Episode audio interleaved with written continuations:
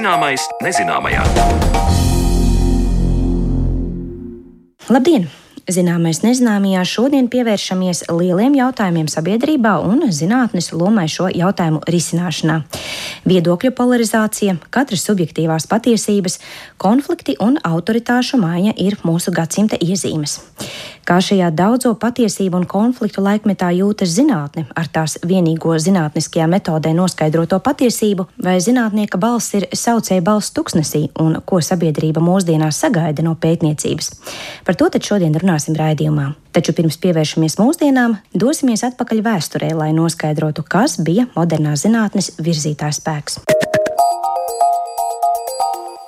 Dzelzceļš sāk attīstīties ne tad, kad tika atklāts tvaika dzinējs, uzbūvētas pirmās eksperimentālās lokomotīvas vai pirmās dzelzceļa līnijas kā izklaidē bagātiem aristokrātiem. Dzelzceļš attīstījās tad, kad tas kļuva par izdevīgu kravas pārvadāšanas veidu. Tā teica vēsturnieks Mārtiņš Mintaurs, stāstot par zinātnes un tehnikas sasniegumiem 19. gadsimta vidū un 20. gadsimta sākumā. Kādi bija tā laika zinātniskie sasniegumi un cik liela bija zinātnes loma sabiedrībā, par to vēsturnieku iztaujās Zane Lāce Baltalksne. 19. gadsimts ir zīmīgs ar vairākiem vēsturiskiem atklājumiem. Šajā simtgadē Luisas Pastērs izgudro vakcīnu pret trakumsērgu, vācu inženieris Karls Bēns rada pirmo automobīli ar iekšdedzes dzinēju, Tomas Edisons izgudro ilgnoturīgo elektrospuldzi, Čārls Darvins izstrādā evolūcijas teoriju, Alfreds Nobels izgudro varenu jaudīgu spridzekli dinamītu, un vēl un vēl tajā simtgadē notiek virkne nozīmīgu atklājumu. Un jā, 1833. gadā angļu filozofs un zinātnes vēsturnieks Viljams Vīvels ievieš jēdzienu zinātnieks līdz šajā termina dabas filozofs vietā. Lai arī zinātniska atklājumi un to ieviešana praktiskā lietošanā notika paralēli vairākās pilsētās, gan Eiropā, gan Amerikā, tomēr par tā laika tehnoloģiju šūpuli var dēvēt Angliju, kur lielu interesi un atbalstu gan mākslai, gan zinātnē izrādīja tā laika apvienotās karalistes karalienes Viktorijas dzīves biedrs Princis Alberts, kurš arī bija viens no rīkotājiem pirmajai pasaules izstādēji, kas notika Londonā 1851. Gadā. Izstādē īpaši būvētā stikla un dzelzs celtnē tā laika arhitektūras augstajā dziesmā Kristāla pilī.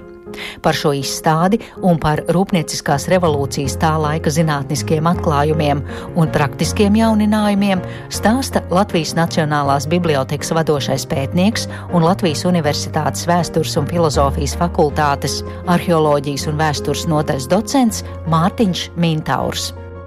Tas bija liels pārsteigums visiem eiropiešiem, kuri varēja nokļūt šajā izstādē. Un nevelti tieši Londonā šī izstāde arī notika, jo Anglija un Britu salas kopumā bija tiešām industriālās revolūcijas šūpulis, poetiski sakot, Eiropā, kur šis process sākās jau 18. gadsimtā, bet toreiz atšķirībā no 19. gadsimta, un kāpēc mēs parasti arī runājam tieši par 19. gadsimtu un īpaši par šī gadsimta otro pusi kā industriālo revolūciju, jo tas ir tas augstākais punkts. Un tas arī ļoti raksturīgi 19. gadsimtam, ka visi šie tehnisko zinātņu atklājumi notiek paralēli ar dažu gadu atstarpi viens no otra, un ka tos jauktā veidā, tad, tad faktiski katrā lielākajā Eiropas valstī atrodas kāds inženieris vai ķīmiķis, kurš nonāk pie ļoti līdzīgiem atklājumiem kā viņa kaimiņi, un tad, tas viss notiek nu, gandrīz kompleksi, vienlaicīgi. Ja? Tāpat ar tērauda ražošanu. Tērauda ražošana ir tas viens no lielajiem lēcieniem, kas notiek tieši 19. gadsimta otrajā pusē, jo šo materiālu var izmantot gan dzelzceļa sliežu ceļu būvniecībā, gan tiltu celtniecībā. Arī mūsu Rīgā lielais dzelzceļa tilts ar šīm izliektajām pusloku konstrukcijām, ko sauc par fermām, ir vēl no 1914. gada pirmoreiz uzbūvēts. Nu, tagadējais ir jau pēc otrā pasaules kara atjaunots, bet tā tehnoloģija patiešām saglabājas nu, apmēram simts gadus vai pat nedaudz vairāk kā no tērauda plāksnēm ar kniežu palīdzību, ar speciālas tehnoloģijas palīdzību var izgatavot ārkārtīgi izturīgu un ilglaicīgas konstrukcijas. Ja, vai tie būtu dzelzceļa tilti, vai tie būtu arī dzelzceļa vagoni un, piemēram, lokomotīvas un viss, kas ir nepieciešams dzelzceļa infrastruktūrai. Un vēl viena īpatnība, kāpēc arī ir vērts pieminēt tieši Viktorijas laikmetu, ka šī 19. gadsimta industriālā revolūcija ar ļoti nedaudziem izņēmumiem ir patiešām Eiropas produkts. Jo ir inženieri, tehniķi un fiziķi, kuri darbojas arī, piemēram, Amerikas Savienotajās valstīs, Faradejs vai citi, kuri apgūst to pašu elektrības tehnoloģiju, bet salīdzinoši, vai Edisons, ja, bet salīdzinoši, vai Bels, jā, bet salīdzinoši maz ir šādu atklājumu ārpus Eiropas. Tas ir tas Eiropas zelta laikmets, kad Eiropa vēl ir tehnoloģiski priekšā arī Amerikas Savienotajām valstīm, kuras tajā laikā vēl tikai apgūst savus resursus, un tur pa vidu vēl ir Amerikas pilsoņu karš, kas, protams, nobremzē nedaudz tehnoloģisko attīstību, bet toties pēc pilsoņu kara ASV ziemeļu daļa, tā saucamie ziemeļu štati, uzsāk ļoti strauju rūpniecības attīstību un nevelti. Tad, tad viena no nākamajām pasaules izstādēm pēc Londonas notiek jau Čikāgā.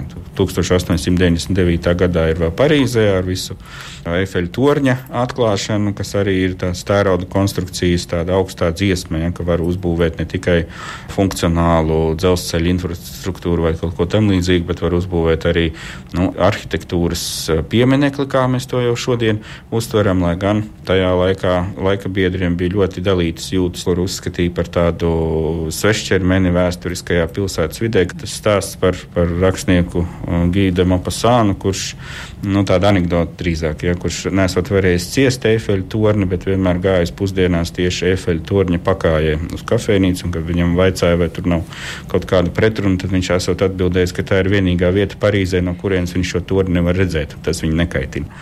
Tā kā laika biedriem bija ļoti dažāda attieksme arī pret to, kā industriālā revolūcija izmainīja pasauli viņiem apkārt, jo tas patiešām bija pirmais brīdis droši vien Eiropas vēsturē, kad pasaule mainījās vienas paudzes dzīves laikā un viņu acu priekšā.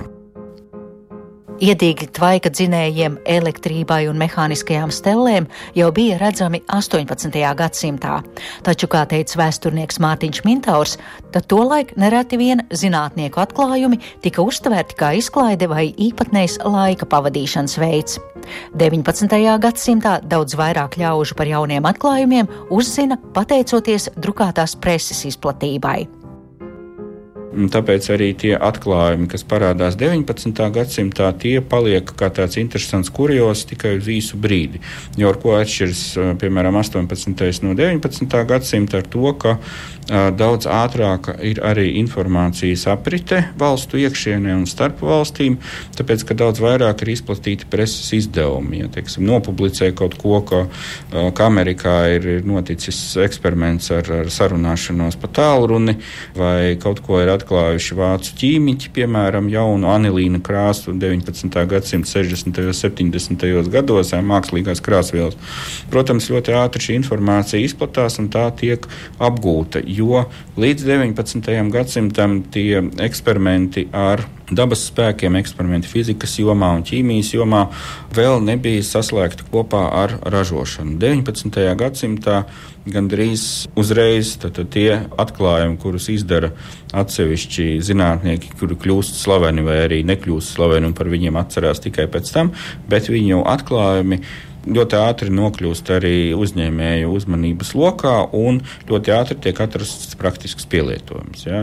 Tvaika dzinēji bija pazīstami 17. un 18. gadsimtā, ir pirmie eksperimenti ar tvaika automobīļiem un tam līdzīgi, bet uh, dzelzceļš sāk attīstīties tad, kad ir ne tikai atklāts tvaika dzinējs un uzbūvēts pirmās eksperimentālās lokomotīvas 18. gadsimta beigās, 19. gadsimta pašā sākumā, bet tad, kad parādās jēga būvēt dzelzceļa līnijas nevis tikai izklaidēji, lai teiksim, monarhs varētu aizbraukt no galvaspilsētas uz savu rezidenci, tas ir tāds īpašs izklaides veids, pavizināties ar vilcienu. Bet eh, ļoti ātri to apguva un saprata, ka tas pirmkārt ir kravas pārvadāšanai ļoti izdevīgs ceļš, tāpēc, piemēram, vēl 18. gadsimtā ļoti cītīgi sabūvētās kanālu sistēmas eh, Anglijā.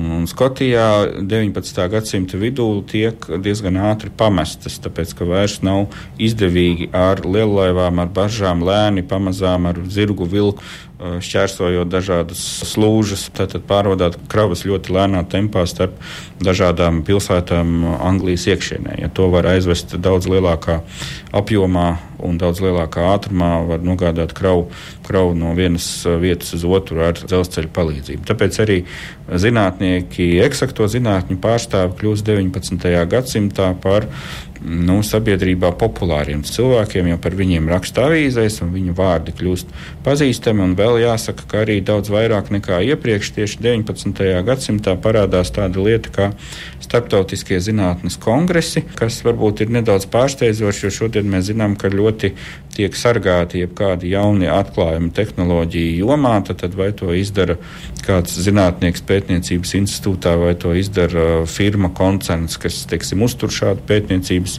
institūtu. Nu, tas, protams, ka atklātībā nonāk kaut kāda daļa no informācijas par jauno izgudrojumu, bet kaut kāda daļa vienmēr netiek izplatīta ar domu tieši tāpēc, ka kāds konkurents varētu šo informāciju izmantot ja, sev par labu. Un, bet 19. gadsimtā bija tāda tradīcija, ka tiešām ļoti regulāri pulcējās gan fiziķi, gan ķīmiķi, gan visu eksakto zinātņu pārstāvji. Arī medicīna tajā laikā ļoti strauji attīstās, pateicoties tai pašai ķīmijas un fizikas attīstībai. Un viņi regulāri patiešām pulcējas un apmainās ar informāciju. Tad var uzzināt, ka teiksim, kādā Vācijas žurnālā ir nopublicēta pirmā versija par, eh, piemēram, periodisko elementu tabulai Mendeļieva izgudrotē. Ja, tā informācija aiziet tālāk. 60. gados jau nokļūst visā Eiropā, tad arī notiek arī diskusijas, piemēram, gan starp zinātniekiem, kuri strīdās savā starpā. Nu, fizikas vēsturē tas ir daudzkārt aprakstīts, kā notika atomu atomfizikas attīstību, kādas bija karstas uh, diskusijas par atomu struktūru, par iespēju atomus sašķelt, vai tāda iespēja pastāv vai nepastāv, vai atoms patiešām ir pamatelements visā fizikālās pasaules uzbūvē, un tālāk aiziet par atomu nav iespējams. Tā ir mazākā daļiņa, kur mēs dabā pazīstam. Pēc tam parādās idejas, ka arī atomu kodolu var sadalīt, bet nu, visas šīs teorētiskās diskusijas bija ļoti intensīvas, bet uh, tajā pašā laikā nu, tās noveda pie ļoti, ļoti interesantiem rezultātiem, kuri tiek ļoti ātri arī apgūti un tiem atrod praktisku pielietojumu. 20. gadsimta sākumā nereti vien dominēja uzskats, ka viss jau ir atklāts un izpētīts un ir sasniegta teju pilnība zinātnes un tautsēmniecības sfērās. Šīs ilūzijas sagrāva Pirmais pasaules karš, bet jau pirms tam bija redzams arī tā laika industriālā progresa medaļas otra puse. Pieaug sociālā spriedze, jo darba ļaudis cīnījās par darba apstākļu uzlabošanu fabrikās, notika strādnieku streiki, radās augsne kreisi noskaņotām idejām, teica vēsturnieks Mārtiņš Mintaurs nu, tas līdzsvars tā īsti līdz Pirmajam pasaules karam neizveidojas. Līdzsvars starp to spriedzi un, un mēģinājumiem šo spriedzi atrisināt sociālo, tāpēc arī daļa no sabiedrības to Pirmā pasaules karu uztver pat ar kara sākumu uztver ar zināmu atvieglojumu, tāpēc, ka nu, beidzot karš viss noliks savās vietās un atrisinās tās problēmas, kādas mums ir radušās. Ja, mēs paši vairs netiekam galā ar to progresa straujo tempu, kuru mēs esam izraisījuši un kuru mēs kaut kādā mērā pat pielūdzam vai uzskatām par pašu galveno cilvēka dzīvē. Tikai tehnoloģisko progresu ātrāk, vairāk kaut ko būvēt, patērēt, celt, attīstīt, izveidot, bet nu, tam visam arī ir kaut kāda cena. Paldies Zanē Lācijai Baltalksnī par ieskatu laikā, kad modernā zinātne nostiprināja savus pamatus, bet par zinātnes lomu mūsdienās saruna pēc brīža.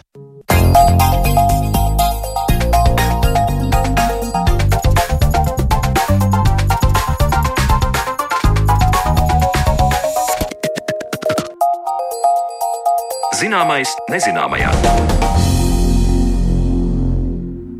Novembrī UNESCO aicina atzīmēt Pasaules zinātnes dienu, un šogad vēršot uzmanību zinātnes lomai miera un attīstības nodrošināšanā. Miera šobrīd pasaulē nav, attīstība ir nevienmērīga un to bremzē akūtu problēmu risināšana. Vai zinātne var atdzesēt sakars uz šos prātus konfliktos, un vai to vispār varam prasīt no zinātniekiem, un vai pētnieki var rādīt gaismu maldu ceļos, un galu galā vai tehniskie risinājumi un fundamentālie atklājumi glābs pasauli. Šādiem smagiem un lieliem jautājumiem šodien veltīta mūsu saruna, un es sveicu studijā Latvijas Universitātes bioloģijas fakultātes docentu un Latvijas biomedicīnas pētījumu un studiju centra pētnieku Zigmundu Lovski. Labdien! Jā, sveicināti! Un filozofijas doktoru Latvijas Universitātes filozofijas un socioloģijas institūta vadošo pētnieku Māri Kūli. Labdien! Labdien!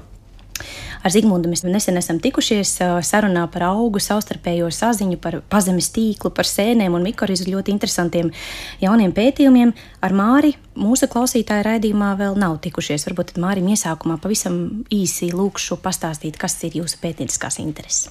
Man ir divas galvenās pētniecības intereses. Kā teicāt, filozofijas doktors es esmu, taču vēl bez filozofijas, kurā es lielākoties pievēršos fenomenoloģijas un hermenētikas filozofijai un patiesības un mela tēmām un sociālās filozofijas problēmām. Otra mana interese ir uh, terorisms, ir īpaši islāmiskais terorisms. It kā šķietam nesaistītas uh, tēma, bet tā gluži nav. Tā slepenā dzīsla, kas, kas savieno abas, uh, abas jomas, ir tas, kas mani ārkārtīgi interesē. Kas var saukt tās lielās idejas, jeb lielās ideoloģijas, un mūsdienu pasaulē ar tām iet uh, saudabīgi. Ir diezgan maz tādu ārkārtīgi izteiktu, spēcīgu, saviļņojošu ideoloģiju. Uh, un man interesē, kas tas īsti ir. Un, uh, tieši tur ir patiesības tēma, ja, jo, lai, lai kaut ko atzītu par patiesu, tam ir jānotic. Un kā tas īsti notiek un kādu faktoru tu ietekmē, tas lūk, ir mans interešu priekšmets. Vēl pieskarsimies šīm patiesībām pēc tam, bet uh, no sākuma jums abiem prasīšu jūsu viedokli, vai mēs varam zinātniekiem likt vai, vai zinātnē uzticēt nu, tādu ļoti globālu problēmu risinājumu, kā palīdzēt nodrošināt mieru. Vai zinātnieks vispār var būt tāds diplomāts vai tilts? Jo vienmēr ir šķitis, nu, zinātnē, taču nu raugās pāri politiskām nebūšanām, vai ne? Zinātnieki strādā kopā, dažādas tautības bez robežām. Es jau teicu, ka tikko atslēgas frāze izskanēja, ka raugās pāri. Tāpēc es neliktu lielas cerības uz zinātniekiem, kā tiem pie, miera vēstnešiem. Protams, ka tie var strādāt uh, diplomātiskajā līmenī, tie var iesaistīties kaut kādos politiskos procesos. Um, aizmugurēs kāds nereti notiek, biznesa pasaules pārstāvis iesaista diplomātisko problēmu risināšanā. Um, bet zinātnes uh, pamatu uzdevums jau tomēr ir deskripcija, aprakstīt, kas, um, kas ir, kāds tas ir, un politikas veidotāja uzdevums savukārt ir to ieviest uh, dzīvē. Tas nav gluži zinātnieku uzdevums, protams, ka viņi var palīdzēt. Jā, es, es domāju, ka zinātnieki ir līdzatbildīgi, tāpat kā jebkura sabiedrības uh, locekļa šajā visā procesā, un zinātniekiem var būt liels devums tajā. Protams, ļoti daudz atklājumu un tehnoloģijas, ko zinātne dod, var palīdzēt cilvēcei, to skaitā arī problēmu risināšanā. Mums zināms, ka daudzi konflikti kā arī radās, piemēram, ne, nepietiekams nu, pārtiks apgādes resursu trūkumu. Un jebkurš, teiksim, zinātnieku devums, kā palielināt lauksaimniecības ražību, atrisināt uh, sanitāros procesus, medicīnas, teiksim, uh, problēmas, var palīdzēt uzlabot sabiedrības stāvokli un tādējādi nest mieru. Un, teiksim, es, tāpēc domāju, ka zinātniekam ir noteikts devums. Tas tā nav zelta atslēga, ka zinātnieks var vi, vai zinātne vienpersoniski vai vienā kategorijā to var izdarīt un atrisināt, bet noteikti ir tā ir līdzatbildība tajā visā, jo zinātne dod uh, zināšanas un tehnoloģijas, kas iespējo ļoti daudzus procesus. Pilnīgi taisnība. Bet tā ir cilvēka atbildība šo zinātnes atklājumus un iespējas un tehnikas pareizi izmantot. Tas ārkārtīgi pārsteidzošs varbūt fakts, bet uh, pagājušās desmitgades laikā, kad Islāma valsts plosījās pa Sīriju un Irāku, uh, ražas, uh, ražas apjoms bija lielāks, kad viņi kontrolēja vairākas galvenās teritorijas. Lauksaimniecības. Lūk, no vienas puses, pilnīgi bandīti, bet viņiem kaut kā bija izdevies lauksaimniecības politiku īstenot labāk nekā uh, nekā iepriekšēji e, varēja. Vai tas ir saistīts ar kaut kādu teju vai komunistisku principu ieviešanu, vai tīri um, tehnoloģija bija veiksmīgāka?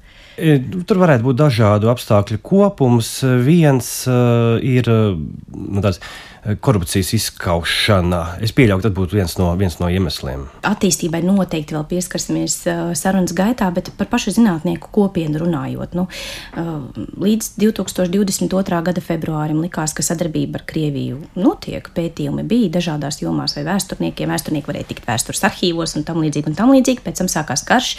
Krievija tika noņemta no zinātnes ikdienas dzīves. Tagad Izraela, Palestīna vēl. Atceros, pirms kāda laika viesojos Cēlā CERN, arī tur fiziķi stāstīja, jā, Izraela ar Palestīnu strādā pie kopīgiem projektiem. Esam kā zinātnieku kopiena pasargāti no tiem konfliktiem, vai tomēr nu, mēs esam daļa no globālas sabiedrības? Mēs esam, protams, atkarīgi no viss tā, kas notiek pasaulē. To pašu var teikt arī, piemēram, vienalga mēs mm, eksaktajā zinātnē spērkam reaģentus un tādas lietas, ko ražo noteiktās valstīs, un pārtraukstot tirzniecības saitēm ar tām vai kompānijai tiekot pārdotai, mēs arī, teiksim, esam ietekmēti no tā. Ļoti daudz, piemēram, daži reaģenti tika ražoti arī Lietuvā, kompānijā Fermentas, kas ir mūsu baltu kaimiņš, tā tika pārdot daudz lielākam koncernam, piemēram, Termo Thermo Fisher, un līdz ar to šī arī naudas plūsma ja, par šiem produktiem aiziet citur, un produkti var maksāt arī atšķirīgas cenas. Zinātnē noteikti ir iespaidot. Arī tagad sakarā ar kāru Ukrainā ir arī atsevišķs zinātnes fonds, arī atbalstot Ukrainas viespētniekus, tad atbraucot pie mums, uzņemot viņus šeit, laboratorijas var pieteikties šādam finansējumam. Tā kā, tādā veidā tie ir arī dažādi politiskās gribas, žesti un dažādas schēmas, sadarbības, kas tiek attīstītas arī starpvalstu starpā. Mm, tā ir praktiski finansiāli arī. Jā, tie ir praktiski finansiāli. Daudzām valstīm ilgu laiku pavadīja Lielbritānijā. Uh, tur ir ļoti daudz bilaterālu sadarbības projektu ar Ķīnu. Ļoti liels uzsvers uz to arī augu pētniecībā, augu molekulārā bioloģijā. Tāpat tās arī ar Brazīliju, vēl viena liela lauksaimniecības teritorija. Tā kā jā, ir tādas divu valstu sadarbības finansēšanas pakas, jā, ko, ko zinātnieki var izmantot. Tas ir atkarīgs no kā kurā valstī tas ir. Mm. Bet nu, tā komunikācija vairāk vai mazāk vienmēr būs tie centieni sasniegt to, to otru pusi. Nu, tomēr zināšanas jau ir tā vērtība, kas vieno šķiet. Jā, nu, bet šie praktiskie atbalsta mehānismi ir tie, kas tomēr tā praktiski ikdienā to virza. Jā. Mm. -hmm. Jā, var tikai piekrist, ap citu taču kosmiskajā stacijā starptautiskajā amerikāņi un krievi joprojām lidinās kopā. Nu, viņi gan nekur nevar, nekur nevar aizmukt. Jā. Tas diezgan sarežģīti no turienes. Es domāju, ka šajā ziņā eksaktajām zinātnēm ir nedaudz vieglāk humanitārās un sociālās zinātnes, kuras nodarbojas ar sabiedrības izpratnes pētījumiem. Tas ir šajā brīdī, tīpaši kara, kara, kara noskaņās, ir grūtāk, un to var redzēt varbūt pat mazāk pašā zinātnē, bet Jā, visā informatīvā telpā, kurā dažādi nu, sociālām un humanitārām zinātnēm svarīgi jēdzieni, kā brīvība, demokrātija un līdzīgi, viņi kļūst tādi saka, nokaitēti, emocionāli nokaitēti, un par tiem ir ārkārtīgi sarežģīti runāt, e, izteikties kritiski, jo tas, ka Krievija iebrūk Ukrainā, nenozīmē jau, ka mēs paši savā demokrātiskajā pasaulē arī nepieļaujam kaut kādas kļūdas. Tas pat nav runa par karu. Jā. Mums arī ir savas problēmas, mums liberālajā iekārtā arī ir savas problēmas. E, bet par to ir dažreiz e, nu, jārunā uzmanīgi. Jārunā uzmanīgi, lai Tādēļ viena lieta nedotu ieročus pretiniekam, jo mums ir jāsaprot, to, ka mēs arī esam tādā kā propagandas karā. E, patīk vai nepatīk. Zinātniekiem lielākoties nepatīk, jo viņi ir tādi, kā saka, nelaimīgie patiesības paudēji. Viņiem pie tā būtu jāpieturas, bet ir jākontrolē sevi nelēmīgie patiesības paudējas pie šī pakavēšos, jo man liekas, tas brīdis, kad cilvēki saprata zinātnes lomu, bija Covid. Politiķiem pēkšņi vairs nebija ko teikt, jo viņi arī neko nevarēja pateikt, kad tas beigsies, kas tas ir. Ārsti strādāja melnām mutēm, un viņiem nebija laika nemitīgi komunicēt ar sabiedrību, un tad nu, cilvēkiem vajag atbildes, to trauksmu vajag mazināt, un viss skatījās, o, mums taču ir epidemiologi, biologi. Un, un tomēr, pat tad, kad pētnieki stāstīja to, ko viņi zina, droši pēc pētījumiem. Arī tad sabiedrība negribēja līdz galam noticēt. Kāpēc? Dažādi, dažādi faktori, bet šaubām galu galā zinātnieki arī ir tikai cilvēki ar, ar seju, jā, un uz viņiem skatās un domā, vai es šim ticēšu. Viena tāda lieta, kas jā, vienmēr jāpatur prātā, ka zinātne ir sarežģīta. Es domāju, pilnīgi piekritīs kolēģis. Uh, un, uh, jebkurā, jebkurā zinātņu nozarē, lai nokļūtu pie kādiem skaidriem, pārbaudāmiem secinājumiem, ir jāiegūt milzīgs eh, darbs. Un, protams, ka nav īsti godīgi prasīt no nu, pašas sabiedrības, lai tā um, uzreiz visu saprastu. Dziļākajā būtībā. Uh, Televīzijā kāds uh, zinātnēks atnāk izstāsta trīs minūtēs darbu, ko pirms tam ir darījis trīs gadus. Uh, Eh, un, protams, ka skatītājs nevar to uzreiz visu saprast un piekrist. Eh, un, ja mēs tos saliekam kopā ar vēl vienu tendenci, to, ka cilvēkiem vienkārši gribas ticēt tam, ko, ko paši grib, kas viņiem ir tajā brīdī ērtāk, nu, tad mums sanāk tāda laba recepte nepatikšanām. Un tieši to jau mēs arī redzējām eh, Covid laikā. Zinātnieki var stāstīt un stāstīt, bet, ja ir kaut kāda sabiedrības grupa, kurai ir tas varbūt cita tēma, bet specifiski iemesli, kāpēc viņi gribētu rīkoties citādāk, nu, tad viņi atradīs savu atradīs savu ceļu. Un, kurš vienkārši, ja, bieži pieminētā kritiskā domāšana, it kā tā palīdzēs, bet jāsaprot, ka tā ir ārkārtīgi lēna nodarbe. Uh, pārbaudīt izteikumus, kaut vai mēdīju izteikumus, tiešām izdarīt visu to, kas pēc priekšrakstiem ir paredzēts, ja, pārbaudīt avotus. Tas taču prasa milzīgus resursus, prāta resursus, laika resursus, un to gluži vienkārši nav iespējams mm, izdarīt. Nu, tur jau ir vēl viens nākamais stāsts par zinātnieku autoritāti, un tas Latvijā un visā pasaulē ir tāds kutelīgs uh, temats. Uh, Kaut kur tā ir lielāka, kaut kur tā mm, mazāka. Es vienmēr tādām skumjām atceros to stāstu, ka mm, Zviedru laikos Latvijas vēsturē gribēja Rīgā dibināt universitāti, bet Latvijas Rīgas rāta atteica, ja nu, tie trakie studenti sajauks visiem prātu un būs tikai būs slikti, ja bojās, bojās tirzniecība. Zigmunds. Jā, nu es gribēju nu, teiksim, apstiprināt to, ka, manuprāt, ļoti liela loma ir tieši izglītībai un zinātnes komunikācijai. To, kā mēs izskaidrojam, arī no zinātnieku viedokļa, ja izskaidrojam uh, visus procesus, ko mēs darām un atklājumus, uh, gan arī izglītības, izglītībai kā tādai, globāli runājot visā pasaulē, uh, cik mēs veidojam tādu analīzē, un tas īstenībā ļoti filozofisks jautājums, kā analītiskā filozofija, ja, cik mēs to balstam šajā, cik drīzāk tādā tādai aklai metafiziskai ticībai, kaut kam, kam mēs paši izvēlamies to darīt. Un es gribēju piemetināt arī to, ka šī zinātnes uzticēšanās zinātnē tas nav tikai Covid. Mēs runājam par gadsimtiem ilgi zinātniskiem atklājumiem, kuriem patiesībā, ja mēs paskatāmies zinātnes CV, tad tas ir ārkārtīgi progresīvs un pozitīvs panākumu kopums. Līdz ar to, teiksim tā, derēt pret zinātni būtu, nu, kā saka, labu veiksmi jo zinātnē ir parādījusi, viņi konstruējusi šīs pasaules modeļus, kas cenšas izskaidrot dab, dabiskos un dažādus fenomenus, un, un uz to pamata arī radījusi tehnoloģiju. Lidmašīnas lido un cilvēki tajā skāpī. Tiltus mēs uzbūvējam. Pat arī, ja mēs nezinām absolūto teiksim, kvantu stāvokli katram molekulai tajā dzelzceļa tiltā vai akmens struktūrā, mums pietiek tikai Newtona mehāniku, lai aprakstītu, kā tiltam stāvēt, un tie stāv simtiem gadu, un atklāja jaunu tiltu piemēram, brāzas tiltu, un cilvēks neies viņam pāri, nebrauks viņam pāri, tāpēc ka viņš neticēs, un zinātnieks nespēs izskaidrot. Droši vien inženieri nav aprēķinājuši katras molekulas stāvokli līdz tādai precizitātei, bet tas, tas, tas tuvinājums, tas modelis, kas mums ļauj spriest, vai šis mums der un, un ka, vai mēs viņu varam izmantot droši, ir pietiekams, lai mēs uz, uzticētos. Un tieši tas pats ir ar Covid, ar, ar, ar citām lietām. Mēs visi, teiksim, zinām, vakcīnas jau kopš ģenera ar atklājumiem pret bakām. Mēs esam tik daudz slimības un nāvis novērsuši pasaulē kopš vakcīnu izgudrošanas, un tad no šim covid gadījumam un covid vakcīnām vai gripas vakcīnām mums pie, atliek pieiet ar tādu pašu analītisko loģiku un pašiem spriest par šo te.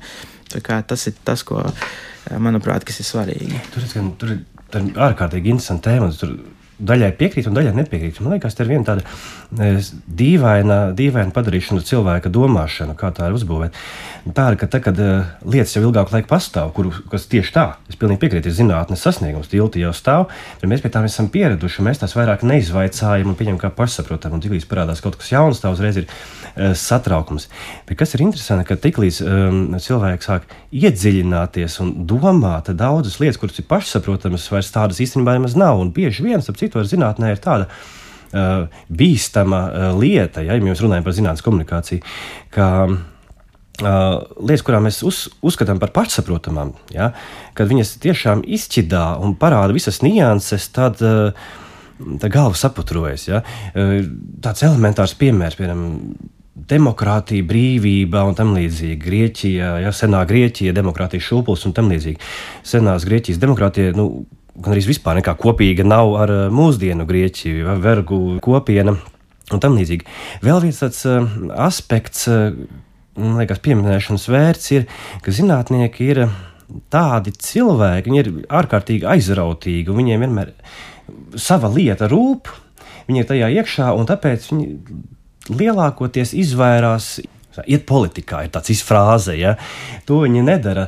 Nu, filozofijas vēsturē taču tāds kā filozofijas kā nozares formējoša leģenda ja, par Sokratu, kurš Uh, sabojāja prātu Atēnu jaunatnē, un kas ar ko tas beidzās? Ar viņa nāvi. Platons brauca uz Sirakūzām, gribēja kļūt par politikas padomdevēju. Uh, nu, brauc mājās. Nu, tam ir saprotams iemesls, jo nu, tu kā pētnieks, tev ir sava lieta, ko tu zini, un tu zini to patiesību mm -hmm. pēc mm -hmm. saviem datiem un visa pārējā, un tu esi politikā, un politikā izrādās, ka tā patiesība varbūt pat nav vairs tik būtiska. Mm, tas ir tāds uzslāņojums, nu šeit īstenībā, ja mēs tā paskatāmies, mēs varam atrast vairākus piemērus, kaut arī no Aristoteļa, kā Aleksandra lielā skolotāja un padomdevēja daudzos mm -hmm. jautājumos, tā arī, piem, ko varbūt mūsu klausītāji zināt neseno filmu Oppenheimer Oppenheimers ļoti labs piemērs arī, kur, kur zinātnieks, Einsteina laika biedrs, atnākot uz Princetonu, pēc tam tiek iesaistīts iekšā ar Manhetenas projektām. Būtībā tā jau ir ļoti liela politiska loma bez šīs zinātniskās grupas, liela projekta vadības, kurā attiecīgi arī ir vairāki ļoti smagi lēmumi, kur šis te atombumbas būtībā izgudrošana tiek arī lietota kā nu, politisks ierocis, kā arī izbēgšanai. Rūzvelts tika pārliecināts pārliecināts par to, lai, piemēram, atombumbu tiktu uzmestu imperiālajai Japānai, lai izbeigtu karu un novērstu amerikāņu nāves. Un te jau ir tas ētiskā debata, un Einsteins arī šai filmā arī ļoti, tā teikt, izmet šo frāzi pašam Oppenheimeram. Man tā, tas pienesums ir, ir tas, šis atklājums, ja, kas pēc tam tiek izmantots. Tālāk jūs domājat, ko ar to, to, to darīt. Ja. Tas ir tagad jūsu laikmets. Nu jā, tur arī patiesībā paša zinātnieka dzīves traģēdija, ka tu esi spiests no vienas puses sekot savai kaislībai, tam, kas tev tiešām izdodas, un tajā pašā laikā, ko ar to mēs iesākam, mm -hmm. kas ir tas, tas rezultāts. Mm, mēs esam sasnieguši to laikmetu, kur šķiet, ka atkal ir jāpierāda no jauna lietas, kas visiem ir zināmas. Zeme ir apaļa, es nezinu, divreiz divi ir četri. tu, tu šķiet, ka sociālajos tīklos visu laiku veidojas tāda kopiena, kas cenšas apstrīdēt šķietamas patiesības. Es zinu, ka Māris savos darbos ir, ir rakstījis par patiesības devalvāciju. Kas tas īsti ir? Vai tas ir tikai šim laikmetam raksturīga parādība? Patiesības devalvācijas attiecina no dienu uz 20. gadsimtu kā specifisku filozofiju filozofijas ideju. Um, sekas. Es ap citu par, par apaļajām zemē, zemeslodēm un tam līdzīgām lietām. Viena lieta, kas man fascinē, tas ir sazvērstības teorijas. Parasti par tām uh, pirmā reizes smieties. Bet kas ir interesanti, ka ļoti bieži tās ir ārkārtīgi komplicētas un sarežģītas. Un man tiešām fascinē, kā tie cilvēki uh, atrod laiku un enerģiju dzīves veltīt, ja, lai, lai nu, ko tik neizdomāt. Ja? Tās teorijas ir ļoti dažādas, un, un tas ir tiešām antropoloģiski interesants pētījums, kas un kāpēc un, un, un kā. Kā tādas var būt? Patiesības devalvācija tas ir gan kaut kas cits. 20. gadsimta filozofija nāk ar, nāk ar ideju, kuras nu, ļoti vienkāršot sakot, ir tā, ka subjektīvā pieredze ir arī kaut kāda patiesība. Tas nozīmē to, ka uzticība apgaismības ideālam par lielo universālo patiesību, kas ir pamatā dabaszinātnēm bez šaubām, ja, ka mēs tad, apgaismības dabaszinātnē tieksimies kā progresīvi, tieksimies uz priekšu un priekšu un, nokļūsim tuvāk ja, Saulē. Nu, tēlēni izsakoties. Eh, to aizvieto mm, pārliecība, ka patiesība ir kontekstuāla, atkarīga no vēsturiskās situācijas, no kultūras, no nu jau aiziet tik tālu kā rasiskās piederības, etniskās pieredzes un tam līdzīgi. Un tam līdzīgi. Uh, bet efekts ir tāds, ka, kas rakstu, tā, ar vi, filozofiju ar vienu roku dod brīvību, bet ar otru roku atņem uh, patiesību. Uh, patiešām šī doma, jā, ka subjektīvā, subjektīvā pieredze arī patiesībā iedod brīvību, ja mēs katrs varam izpausties, mums ir katram tiesības, jā, katrs, katrs pats savs laimes kalēs un patiesības meklētājs. Eh, brīvība ir liela, bet tas nozīmē, ka brīvība ir ārkārtīgi daudz, un katra no šīm brīvībām kļūst mazvērtīgāka. Tas secinājums ir tāds, ka, nu, ja jau katram ir ielikās, sava patiesība, nu kas tas vispār ir? Tas kļūst par bezjēdzīgu jēdzienu. Paņemot šo aspektu no Māra stāstītā, tas ir būtībā postmodernisms un postmodernismu uzbrukums kaut kādam standartam, autoritātei un tā skaitā metodei. Arī Feira Abena darbs pret metodi, par metodi bija par to, jā, teiksim, tāds uzbrukums zinātniskai metodei, vai tas var izskaidrot realitāti kā tādu, nu, vai tam ticēt. Un ir daļa zinātnieki, nu, piemēram, Hillarijas Putnams, jā, un viņa zināmais nav brīnuma arguments, no miracles argument, eh, kurš principā eh, ir, ir, ir zinātniskā reālisma iemiesojums, kas ir būtībā tāds diezgan zinātnieka arogance, ka jebkas, ko mēs at, atklājam, ja, ir, tā, ir tā patiesība visā dziļākajā esencē. Bet patiesībā šim te ir, es domāju, ir ļoti, ļoti elegants izskaidrojums, kā mēs, kā mēs to varam aprakstīt, un tas ir, tas ir konstruktīvs empirisms.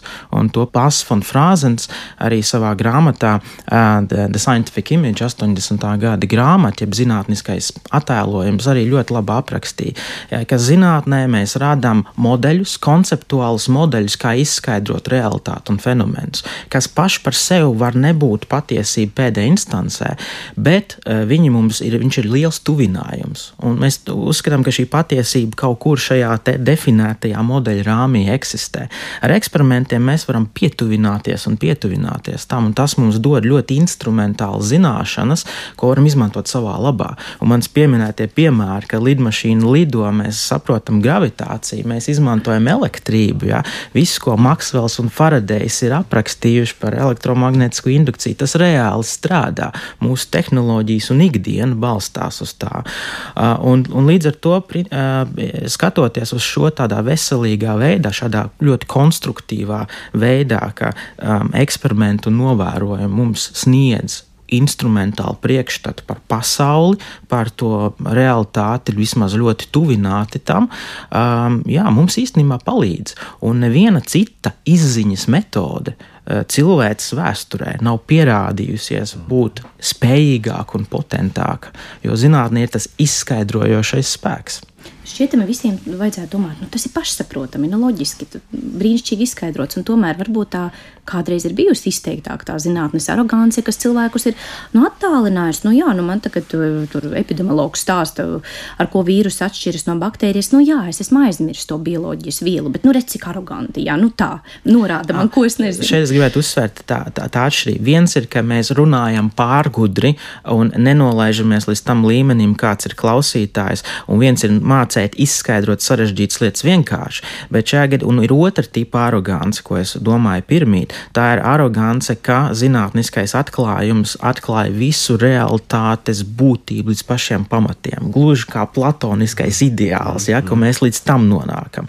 Mēs eh, varam aprakstīt lietas ar noteiktu varbūtību. Ja, mēs katros eksperimentos lietojam statistiku, kas parāda kaut kādu būtiskumu līmeni. Mēs eh, vienmēr eksperimentus eh, veicam vai novērojam ar kaut kādu paraugu kopu, arī socioloģijā. Ja? Tas, ka tā vai tā domā Latvijas sabiedrība, nenozīmē, ka Latvijas sabiedrība domā. Tā domā tie desmit tūkstoši cilvēku noteiktā reģionā, bieži galvaspilsētā, nevis pārējais. E, tas dod mums priekšstatu, bet tā nav tā līdz ļoti tādam absolūtam līmenim tā patiesība.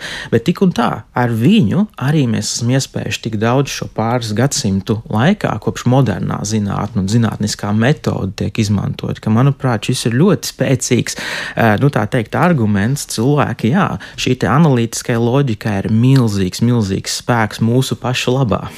Tomēr šīs subjektīvās patiesības ir daudz, kas notiek, ka dažādas patiesības saskarās, rodas konflikti. Tas, ko mēs šobrīd arī pasaulē novērojam, vai tur zinātnē var nākt ar tādu savu atvēsinām prātu, vai tomēr tas nebūs tā. Jāievelk vēl pirms tādu jautājumu. Ja. tas ir tas, ko iepriekš aprakstīju, tas ir pragmatisma teorija. Tā ir fantastiski vienkārša atziņa. Tas, kas strādā, tas strādā. Ja. Tā arī ir tā mm, patiesība atdzesēt, bet atdzesēt sakars uz šos prātus. Šķiet, ka tas ir uh, humanitāro un sociālo zinātņu uzdevums. Uh, tomēr šaubos, ka tas varētu būt uzdevums. Es jau pašā sarunas sākumā pieminēju, ja tas ir uh, politikas veidotāja uzdevums. Es atceros vienu grāmatā par islāma valsts manā tāda aina, tos izlasīja intervijā ar pirmo Irākas pārvaldnieku ASV bruņoto spēku iecelto. Viņš, at, viņš atstāsta tādu situāciju, ka ir saruna valsts departamentā vai Pentagonā pretī nāk Volfovits un prasa, tic demokrātijai?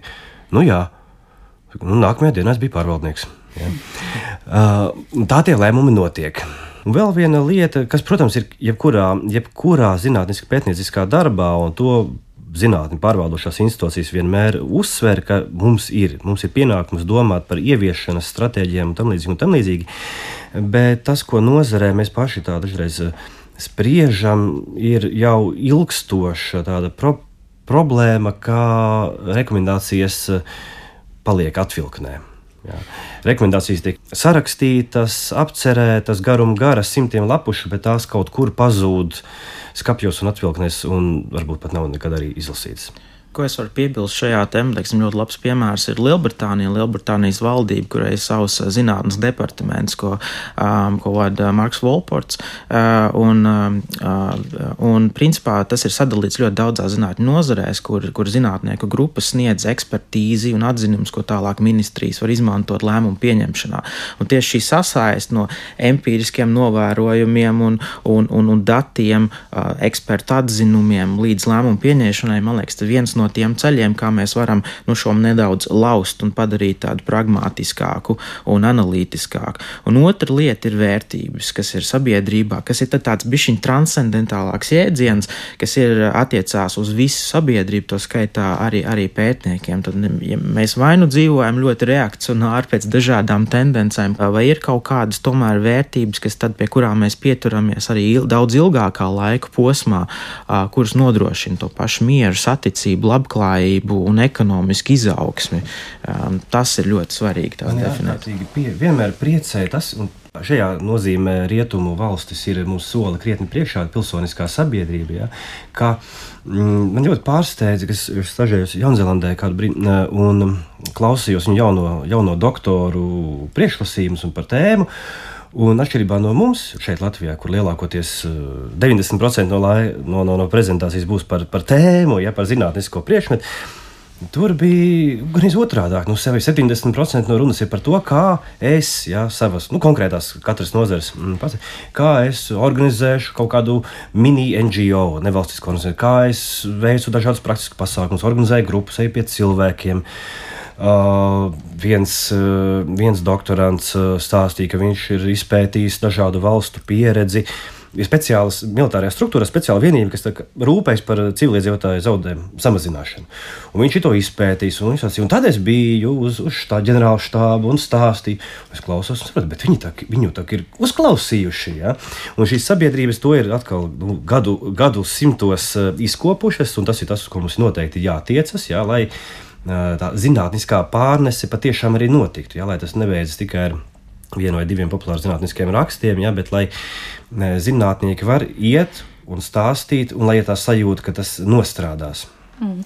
Vai šajā gadījumā mēs neejam otrā grāvī, ka beigu beigās sabiedrība sagaidīs, nu, zinātnieki atrisinās visas problēmas, radīs visus tehniskos risinājumus, problēmām, kuras pati sabiedrība negrib uh, preventīvi risināt. Jā, mums daļa cilvēku, liela daļa sabiedrības, kas netic klimata pārmaiņām, liela daļa, kas uh, netic kaut kādai prevencijai medicīnā, jā, bet nu taču būs tabletīte, būs kāds risinājums, kas ļaus audzēt augus pilnīgi savs augsnē vai vēl kaut ko.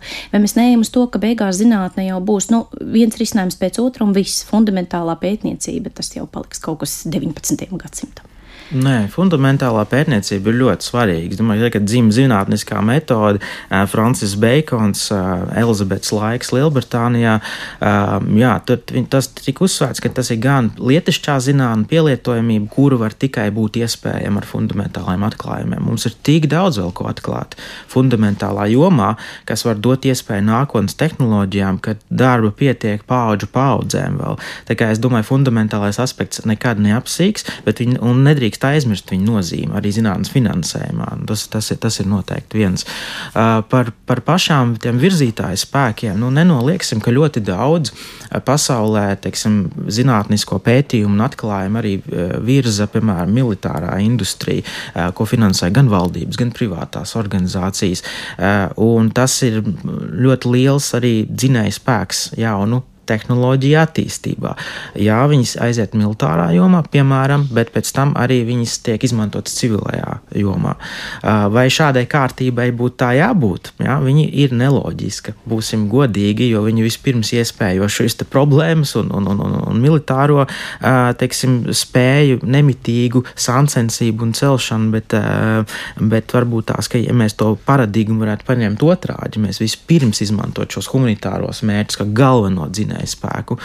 Nu, tas ir jautājums visai sabiedrībai, ne tikai zinātniekiem. Mm. Un tur tas iziet arī ārpus valdību kompetences, jo globalizācijas rezultātā mēs esam nodevuši ļoti daudz kapitāla pārnacionālu konglomerātu un, un biznesu rīcībā, kuriem ir šī finansiālā naudas vara darīt ļoti daudzas lietas.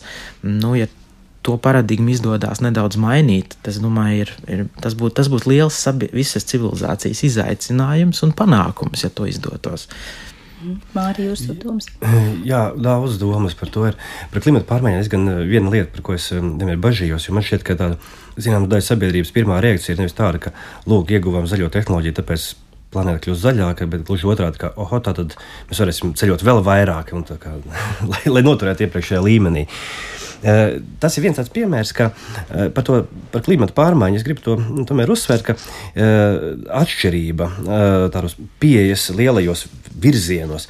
Viens ir tāda tehnoloģijas, kā padarīt planētu zaļāku, mazāk tērēt resursus un tam līdzīgi. Tā ir viena lieta. Un tas, protams, ir labi. Piemēram, otra lieta ir jau filozofiskajā līmenī jautāt, vai mums tiešām vajag tik daudz braukt, vai mums vajag tiešām vajag tik daudz pirkt un pirkt un pirkt, un tagad Ziemassvētku tuvojas, un man atkal būs stress. Ja, kad, kad visur ir uzraksti pērts, pērts, pērts, vai tas tiešām ir vajadzīgs. Un, ja mēs uh, turpināsim tik ārprātīgi negausīgi pirkt un skriet un tērēt un, un šķērdēt, nu, tad jau neviens zinātnē mūs neizglābs. Es vienkārši domāju par to, vai nu, sabiedrībai nav tā sajūta. Es gribu dzīvot esošajā komfortā, es negribu pieņemt tās realitātes, kas ir, jo tās realitātes man izsitīs no komforta, vai vēlu. Bet ir zinātnieki, kuri par to parūpēsies. Vai, nu, tā nav tāda pārāk liela atbildība arī uz pašu zinātnieku pleciem, ka nemitīgi jādzēš ugunsgrēks. Nu, var tā šķist, ka kaut kādā, kaut kādā mērā, un, protams, ka eh, sabiedrības vajadzības, ekonomiskās vajadzības un, un, un citas problēmas ir tie virzītāji spēki un arī zinātnieku prātā. Pat ir nepieciešamība, kā pārdot savu pētniecības projektu. Teiksim, tas ir jā, ļoti prasa integrēt arī šo pielietojamību, aprakstīt to, kur tas noderēs un pamatot, lai tas tiek finansēts. Un tas ir zinātniekiem nu, svarīgi. Bet, nu, kā Mārste, es, es domāju, ka tā nu, nevaram paļauties, ka zinātne un zinātnieki atrisinās globālās problēmas vieni paši. Tas ir, tas ir milzīgs apburtais lokus, kas nu, nenovedīs nekur. Sabiedrībai pašai jāsaprot, jā, ka kaut vai samazinot šo patēriņu, kļūstot saprātīgākiem savās ikdienas izvēlēs, mēs īstenībā ļoti daudz palīdzam jau novērst mm. problēmu. Pamazām noslēdzot mūsu sarunu, vaicāšu Zigmundam, jūs pētāt mikroorganismu sadarbību savā starpā, un mēs sākām arī raidījumu par mieru, un miers parasti saistās ar sadarbību, mierpilnu apusē mm. izdevīgu sadarbību dažādu sabiedrības locekļu starpā, vai dzīvības evolūcijā sadarbība pozitīva ir dominējoša, vai tomēr vairāk mazāk bioloģijā, ja raugāmies, ir konflikts starp uh, organismiem? Nē, es domāju, sa, sa, simbiozēm un sadarbībai, um, savstarpēji labvēlīgām attiecībām ir bijusi milzīga nozīme. Uh, būtībā uh, mēs zinām, ka mūsu organisms sastāv no šūnām. Šūnas eksistence uh, ir principā pamats tam, ka ir notikusi simbioze, nu, domājams, starp vismaz diviem dažādiem mikroorganismiem. Uh, jau kopš dzīvības sākumiem. Un ļoti interesanti par šo arī 20. gadsimta beigās Pīters Korniks, Stanfordas Universitātes pētnieks, postulēja šo sinerģiju hipotēzi, ka tā, šī sinerģija, sadarbība, kooperācija ir bijusi galvenie evolucionārie dzinēji spēki lielām bioloģiskām inovācijām, šūnas rašanās, pāriešana uz daudz šūnu organismiem, kompleksijas evolūcijai. Un tas ir principā radījis to, jā, rezultējies arī um, sabiedrības, uh, teiksim, sociālajās struktūrās. Tā ir tā teikt, var teikt, bioloģijas atvasināta īpašība, jā, ka mēs esam sociāli uh, un mēs arī iesaistamies vēl citās miedarbībās. Un es gribētu šeit uzsvērt, ir um, 20. gadsimta sākumā bija sociālais dārvinisms, kur principā lieli industriālisti, kā Carnegie, piemēram, um, dažādi populācija ir kā Maltus, uh, teiksim, teiksim, bija postulējušo, jā, ka sabiedrība virzas sāncensību. Kurš kur izkonkurēs, ekonomikā, sabiedrībā dominēs. Bet es domāju, ka mēs esam arī no bioloģijas varam mācīties, ka sadarbība, kooperācija ir milzīgs dzinējspēks. Un arī um, Latvijas nu, sabiedrībā, domāju, tur varētu jāskatās, mums ir uz piemēriem, kur kaut kāda panākuma atslēga vienalga vai sportā vai citā jomā ir nākusi no dažādu jomu sadarbības spējas apvienoties. Nu jā, cilvēki ir uh, vairojušies līdz 8 miljardiem, kas ir spilgts sugas piemērs par spēju kooperēties, sadarboties un, un nu, dominēt principā uz šīs planētas. Cerēsim, ka miers un attīstība arī dominēs cilvēku kopienā tālāk, lai nākamā zinātnes diena, kas būs veltīta zinātniekiem, vairs nebūs par mieru un attīstību, bet par kaut ko, kaut ko citu, varbūt mierīgāku.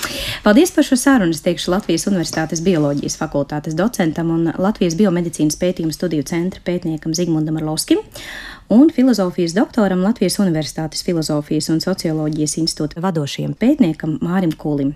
Skaņu operators šim raidījumam bija Ernests Valds Fjodorovs, mūzikas redaktors Girts Bišs, ar jums kopā šo stundu bija Paula Gulbīnska. Lai jums jauka diena un uz tikšanos citu reizi!